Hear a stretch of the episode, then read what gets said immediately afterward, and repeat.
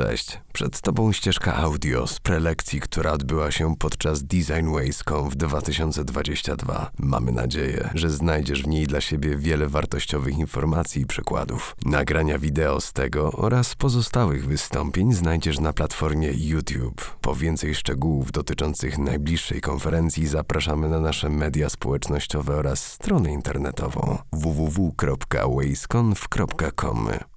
Cześć, cześć. Dobrze mnie słychać? Okej, okay, ekstra. Gdy przygotowywałam się do tej prezentacji, zwróciłam uwagę na temat tegorocznej edycji, czyli Crossing Perspectives. I właśnie to chciałam Wam dzisiaj pokazać. Łączenie perspektywy mojej, psychologicznej, bo takie mam wykształcenie, i badaczki naukowej z badaczką UX. Chciałam porozmawiać o temacie, który w moim odczuciu nie jest tematem, o którym rozmawia się często i nie w takiej formule, czyli o tym, jak nie sugerować, przeprowadzając testy użyteczności, rozmawiając z użytkownikami, co zrobić, żeby te testy rzeczywiście były wyciągnięciem insightów od użytkownika i tego, co on czuje, myśli o produkcie. Od razu powiem, że angielska wersja prezentacji jest pod kodem QR, więc jeśli ktoś z Was słucha translacji, bardzo zapraszam do zerknięcia. E, jeśli chodzi o całą prezentację e, i o materiały, checklistę, literaturę, ona znajdzie się na końcu prezentacji, więc również będziecie mieli do tego dostęp, e, więc nie musicie robić zdjęć. Mam nadzieję, że zeskanowane.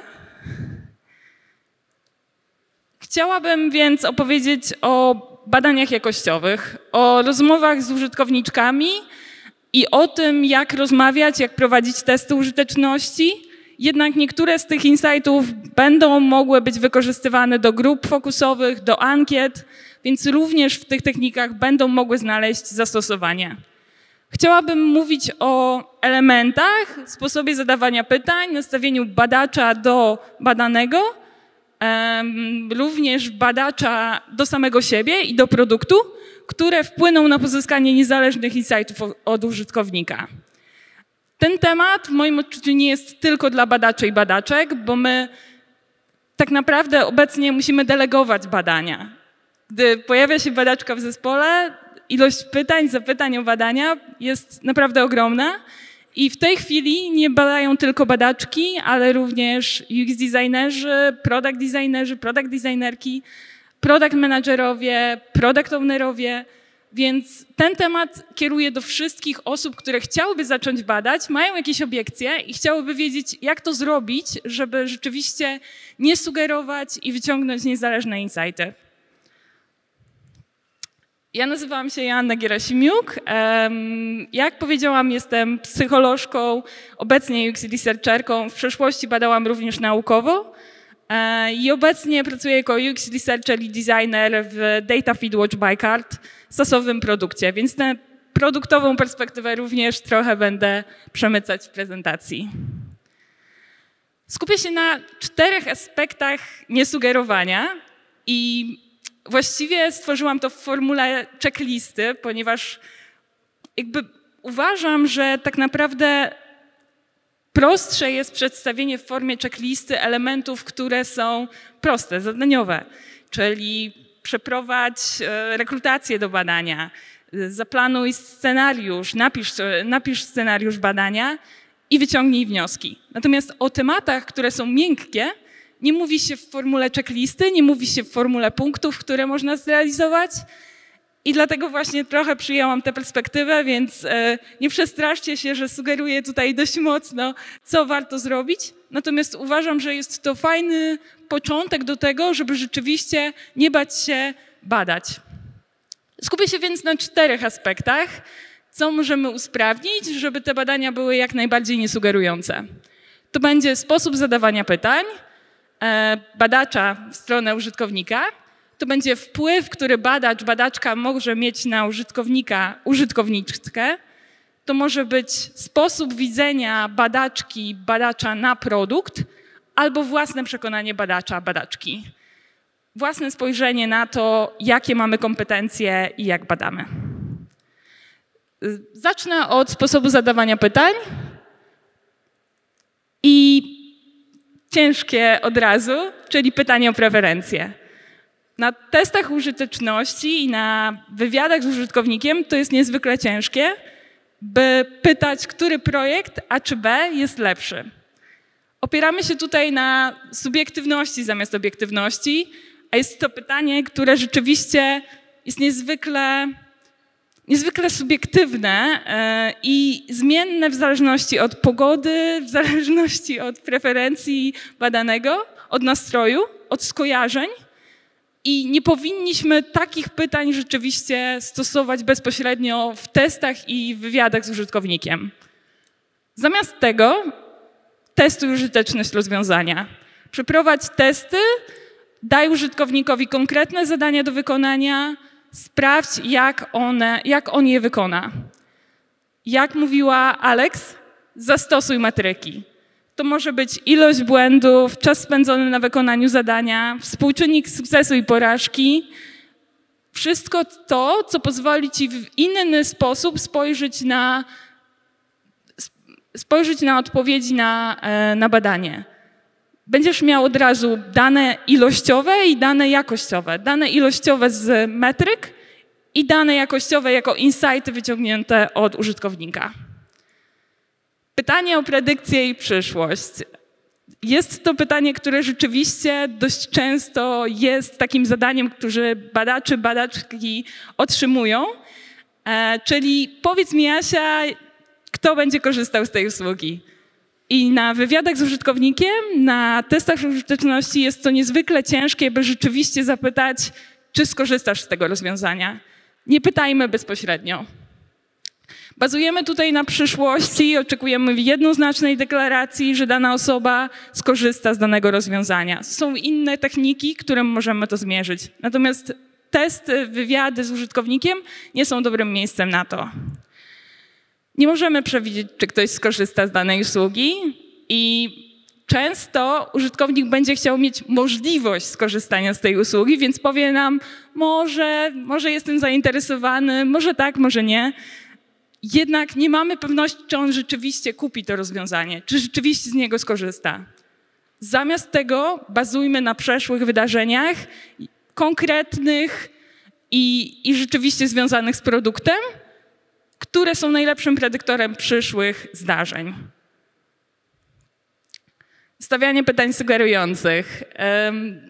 Prowadzę kurs e, UX-a i rzeczywiście jest to plaga, którą widzę. Przymiotniki w scenariuszach badawczych. Jak bardzo to było pomocne, jak bardzo cię to sfrustrowało, jak bardzo jesteś usatysfakcjonowany po użyciu produktu. I czy rzeczywiście, gdy użytkownik odpowie nam na pytanie, jak bardzo cię to sfrustrowało, trochę, to czy możemy w raporcie napisać, że go to sfrustrowało? Zamiast tego stosujmy pytania otwarte.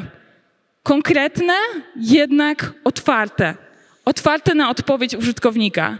Nie zaczynajmy pytań od czy, bo to zamknie nam odpowiedź na odpowiedź tak lub nie. I zdajmy sobie sprawę, że to, co dla nas jest intuicyjne, przez, nas baja, przez nasz y, bias, albo bardziej nie jest intuicyjne dla nas, bo często produkty, które badamy, są dla nas nieintuicyjne. Dla użytkownika określonej grupy może być proste, logiczne, bo on porusza się w zupełnie innych produktach. Produktach, które sprawiają, że to rozwiązanie, które badamy, jest dla niego intuicyjne. Teraz spojrzę na spojrzenie, e, właściwie wpływ badacza, badaczki na użytkownika, użytkowniczkę, który może mieć wpływ na to, jak on będzie widział produkt. Nadobicywanie funkcjonalności. E, Rzeczywiście spotkałam się z takim e, case'em, gdzie użytkownik powiedział mi, ale ja już to miałem obiecane, że to będzie zrobione przez inną osobę z pani firmy. Rzeczywiście przy rozmowach z użytkownikiem chciałoby się na odpowiedzieć na pytanie, kiedy ten feature wyjdzie z bety, odpowiedzieć, zrobimy to tak szybko jak możliwe. Jednak często osoby, które odpowiadają na te pytanie, nie wiedzą, gdzie on jest na roadmapie i czy on w ogóle będzie zrealizowany w tym roku. Wpływamy tym samym na sesję, zmieniamy ogląd sytuacji badanego, zbieramy feedback o rzeczach, które nie istnieją. I rzeczywiście nie powinniśmy sugerować, sugerować i nadobiecywać, że coś zostanie zrealizowane, zrobione. Wobec tego nie wpływajmy na sesję, nie obiecujmy, bazujmy na tym, co obecne i co możemy pokazać użytkownikowi.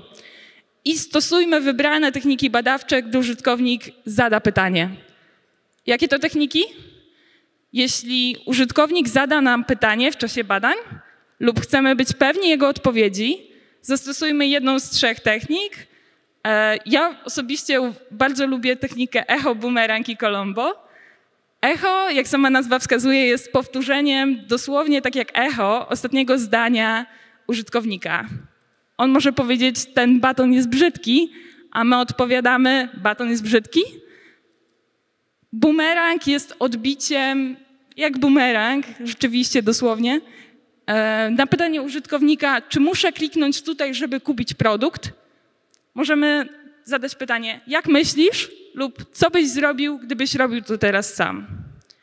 Jeśli chodzi o Colombo, to jest właściwie taka parafraza tego, co powiedział użytkownik, z takim dodaniem ciszy. Czyli użytkownik, jeśli powie, jeśli teraz to zamknę, to stracę swoją pracę, my możemy odpowiedzieć, zastanawiasz się, czy jeśli teraz to zamkniesz, to pozostawić ciszę na odpowiedź. Mówienie za dużo o interfejsie i sobie. Testy użyteczności, wywiady z użytkownikiem to jest rzeczywiście taki moment, gdzie powinniśmy dać przestrzeń użytkownikowi na odpowiedź, na, na to, żeby on wyraził swoje zdanie i powiedział nam, odpowiedział nam na pytania. Starajmy się jak najmniej mówić o sobie, o interfejsie, zadawać pytania, tak jakbyśmy byli rzeczywiście tłem. Warto, warto jakby rzeczywiście pozostawić ciszę na odpowiedź, na spokojną wypowiedź. Ta cisza czasami bywa przerażająca, jednak jest to świetna technika, by rzeczywiście zobaczyć, jak ten użytkownik sobie z tą ciszą poradzi. Co będzie chciał dopowiedzieć w tym momencie? Może coś, co zupełnie jakby, o co nie pytamy, ale, ale jakby widzi to teraz na tym ekranie, który przeglądamy. E, Również nie powinniśmy tłumaczyć działania serwisu lub natychmiast pomagać, gdy użytkownik zagubi się w akcji, kiedy, kiedy badamy dany interfejs. Za, zamiast tego zadajmy jedno proste pytanie, poczekajmy na spokojną odpowiedź. Jeśli chcemy lepiej poznać perspektywę badanego, policzmy w ciszy do 10, zadajmy dodatkowe pytanie lub zastosujmy jedną z technik, o których przed chwilą mówiłam: echo, bumerang albo colombo. Jeśli chodzi o spojrzenie badacza, badaczki na produkt, ono również może być problematyczne. Mamy bias. Każdy z nas ma, jesteśmy ludźmi. Często się na tym łapie podczas testów użyteczności, podczas wywiadów z użytkownikiem, że rzeczywiście ja wiem coś więcej o tym produkcie i czekam, aż użytkownik się wywali w tym momencie. Ale też możemy kiwać głową, gdy użytkownik mówi o produkcie to, co o nim sami myślimy. Będziemy mimowolnie kiwać. Wiele razy to widziałam na swoich wywiadach, nagrywając rozmowy z użytkownikami, że kiwam w tym momencie, kiedy użytkownik potwierdza to, co myślę sama o interfejsie to sprawia wrażenie, jakbyśmy my szukali potwierdzenia własnych założeń. Rzeczywiście będziemy, te, będziemy to robić, bo jest to jeden z biasów, który, który mamy. Potwierdzanie, efekt potwierdzania. W raporcie i szczegółowym opisie insightów zawieramy też więcej spostrzeżeń, które są zgodne z naszymi własnymi przekonaniami przechylamy się na tę naszą stronę, żeby udowodnić, że to my mamy rację, że to my wiemy więcej o produkcie, że jest dokładnie tak, jak myślimy. Żeby temu przeciwdziałać, badajmy, jeśli to moż- możliwe, na wczesnym etapie projektu zanim poświęcimy dużo czasu i zaangażujemy się emocjonalnie. Przy produkcie jest to ciężkie, jednak rzeczywiście warto dowiedzieć się czegoś o projekcie, ale nie za dużo, żeby nie mieć tego albo trochę, trochę rzeczywiście jakby zminimalizować ten nasz bias. Pamiętajmy też, że badamy, aby zdobyć wiedzę, a nie potwierdzić to, co sami myślimy. To nie jest test użyteczności po to, żeby potwierdzić nasze przekonania. Stawiajmy pytania niesugerujące, o czym wcześniej mówiłam, ale też sprawdźmy listę błędów poznawczych. Przeczytałam ostatnio w książce, że, że ta lista dochodzi do 150 błędów poznawczych, które mamy. Chyba Neurodiversity e, opublikowało właśnie taką listę, więc możecie, możecie rzeczywiście sprawdzić. Em, ale sprawdźmy je i zobaczmy, w którą stronę my się przechylamy, w jaką stronę idziemy. Triangulacja badań, zbieranie danych z wielu źródeł to również świetna technika na to, żeby rzeczywiście zablokować trochę swój bias. Jeśli dane z wielu źródeł nie pokażą tego, co sami myślimy, będziemy mniej pewni naszych przekonań. Triangulujmy, stosując metody ilościowe, stosując metody jakościowe, stosując metryki, rzeczywiście sprawdzając w wielu źródłach, jak to działa. I konsultujmy scenariusz i wyniki z drugą osobą. Wiem, że często w produkcie, w startupie jest to ciężkie, natomiast dbajmy o to, żeby móc pokazać nasze wyniki drugiej osobie. Najlepiej pracować z innymi nad insightami i nad wynikami, wynikami badań bardzo, e, bardzo trudny punkt, ale często się z tym spotkałam, że osoba, która zaprojektowała dany produkt, sama go bada i mówi: Asia, jak mam sobie poradzić z tym, że on totalnie się wywalił na moim produkcie, który zaprojektowałam? To jest lęk przed niepowodzeniem rozwiązania, które zaprojektowaliśmy. Zaangażowaliśmy czas i emocje. Również nasze ego trochę może tutaj działać. I rzeczywiście w takich badaniach nad własnym interfejsem sprawdźmy, jak się z tym czujemy. Czy to jest dla nas komfortowe? Ton głosu, komunikacja niewerbalna, one mogą sugerować odpowiedzi użytkownikom.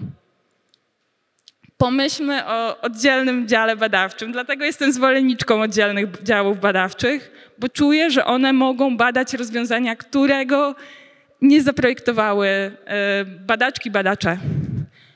Obserwujmy też swoje reakcje emocjonalne, poznawcze. Jeśli badanie naszych designów sprawia trudność, przekażmy badanie komuś innemu. Możemy też poprosić o superwizję, możemy poprosić o sprawdzenie, jak nasze wnioski, jak nasze badania um, działają i, i czy nie widać naszego biasu w tych badaniach. Ale również spojrzenie badacza, badaczki samemu na siebie. W takim znanym newsletterze People Nerds z marca e, na pytanie, jaki szkodliwy nawyk w trakcie rozmów z użytkownikami jest najtrudniejszy do pozbycia się, 51% odpowiedzi to był nadmierny entuzjazm. Rzeczywiście chcemy zaopiekować się naszym użytkownikiem, chcemy, żeby on czuł się dobrze, bo przyszedł na tą rozmowę, złapaliśmy go tutaj, płacimy mu niewiele albo czasami w ogóle i chcemy zaopiekować się tym użytkownikiem, dać mu znać, że hej, cieszymy się, że jesteś tutaj i, i, i że pokażesz mi, jak widzisz produkt. Natomiast to prowadzi do nadmiernie pozytywnych reakcji osoby badanej ona często może nam nie powiedzieć, co sama myśli o produkcie. Skupiajmy się na badaniu zamiast na atmosferze, w jakiej przeprowadzamy badanie. Rzeczywiście zadbajmy też o to, żeby badanie było jednak płatne lub zapewniało jakąś formę, um, jakąś formę rekompensaty, chciałam powiedzieć, ale tak naprawdę nagrody za to, że dana osoba poświęciła nam swój czas. Również ciężki punkt. Nie jesteśmy native speakerami, więc chowamy się za scenariuszem badania. Słyszałam to wielokrotnie, że angielski bardzo często w badaniach międzykulturowych sprawia problem. Czujemy, że nie znamy wystarczająco dobrze języka, nie rozumiemy akcentu badanej i często też rozmawiamy z osobami, które same nie są native speakerami. Nie dopytujemy, gdy nie zrozumieliśmy w pełni wypowiedzi i skupiamy się na poprawności językowej. Trzymamy się tego scenariusza i gdy nie zrozumieliśmy danego zdania, nie chcemy zadać kolejnego pytania, żeby dowiedzieć się rzeczywiście, co dana osoba myśli. Parafrazujmy, dopytujmy, nie bójmy się zapytać o to, co rzeczywiście dana osoba ma na myśli, albo o powtórzenie. Ćwiczenie angielskiego pozwoli nam na rzeczywiste po prostu poczucie się pewnie w sytuacji badawczej. Słuchajmy też materiałów z kraju naszych użytkowników, by zapoznać się z akcentem. Ja rzeczywiście musiałam słuchać teksańskich akcentów, żeby zrozumieć moich kolegów właśnie z karta, bo było to dla mnie bardzo trudne. Również rok temu było świetne wystąpienie Agaty Szargot o różnicach kulturowych. Jest obecnie na YouTube i rzeczywiście polecam je jako fajna wskazówka do tego, jak dbać o różnice kulturowe, jak rzeczywiście się zrozumieć. Zmęczenie, znudzenie, wypalenie zawodowe, brak przerw w sesjach lub nadpracowanie, one obciążają nas poznawczo utrudniają skupienie, utrudniają analizę, wpływają na insighty i sposób ich przekazywania. Zadbajmy o swój dobrostań równie dobrze jak o scenariusz badawczy i o jego zaplanowanie.